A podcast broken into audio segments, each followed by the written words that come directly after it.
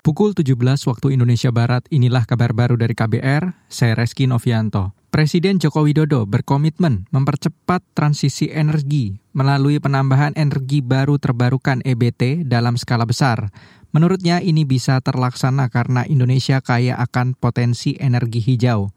Jokowi menyebut potensi energi hijau tanah air diperkirakan mencapai 3.600-an gigawatt yang bersumber dari matahari, angin, panas bumi, bioenergi, dan tenaga air atau hydropower. Kenaikan suhu bumi jika dibiarkan mencapai lebih dari 1,5 derajat Celcius, maka diprediksi akan mengakibatkan 210 juta orang mengalami kekurangan air. 14 persen populasi akan terpapar gelombang panas dan 290 juta rumah akan terendam banjir pesisir dan 600 juta orang akan mengalami malnutrisi akibat gagal panen dan ini adalah ancaman yang nyata bagi kita semuanya.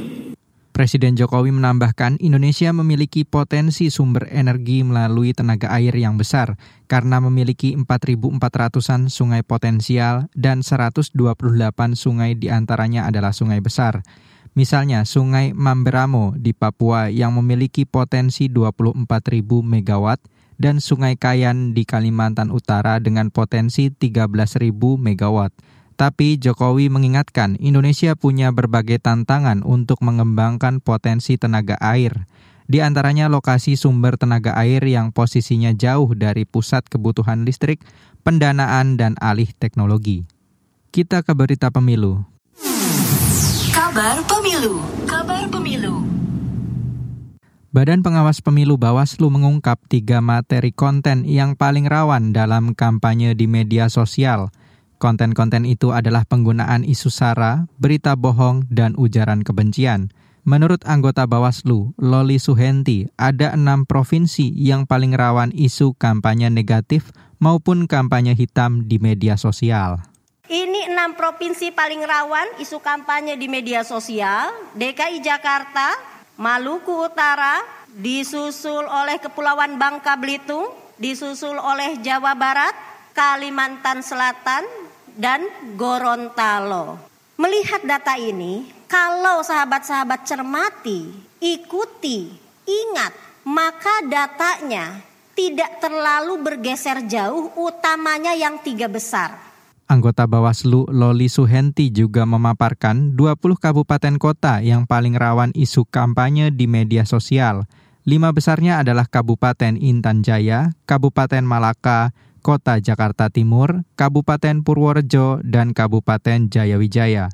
Ia memerinci di tingkat provinsi, marak unggahan soal ujaran kebencian di media sosial, sedangkan di kabupaten kota, konten hoax menjadi yang paling banyak diunggah.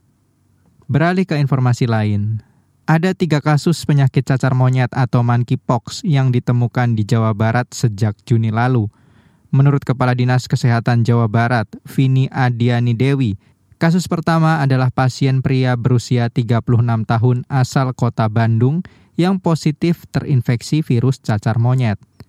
Kondisi pasien ini stabil dan membaik dalam perawatan tim medis di Rumah Sakit Hasan Sadikin, Bandung. Nah, lalu uh, yang sekarang ini baru terkonfirmasi positif baru satu yang di Hasan Sadikin. Walaupun uh, menurut informasi tadi malam ada masuk satu lagi ya dari kota Bandung, tapi belum tentu monkeypox. Belum terkonfirmasi betul, belum dikatakan positif. Berarti yang positif berarti baru satu ya. Kepala Dinas Kesehatan Jawa Barat, Vini Adiani Dewi menambahkan, pasien kedua juga berasal dari kota Bandung. Kondisinya berstatus terduga atau suspek terinfeksi virus cacar monyet. Lalu pasien ketiga ada di Bogor dengan status suspek terpapar virus cacar monyet. Vini mengatakan meski penyebaran wabah cacar monyet cepat, tapi dampak kematiannya sangat kecil. Pukul 17 waktu Indonesia Barat, inilah kabar baru dari KBR, saya Reski Novianto.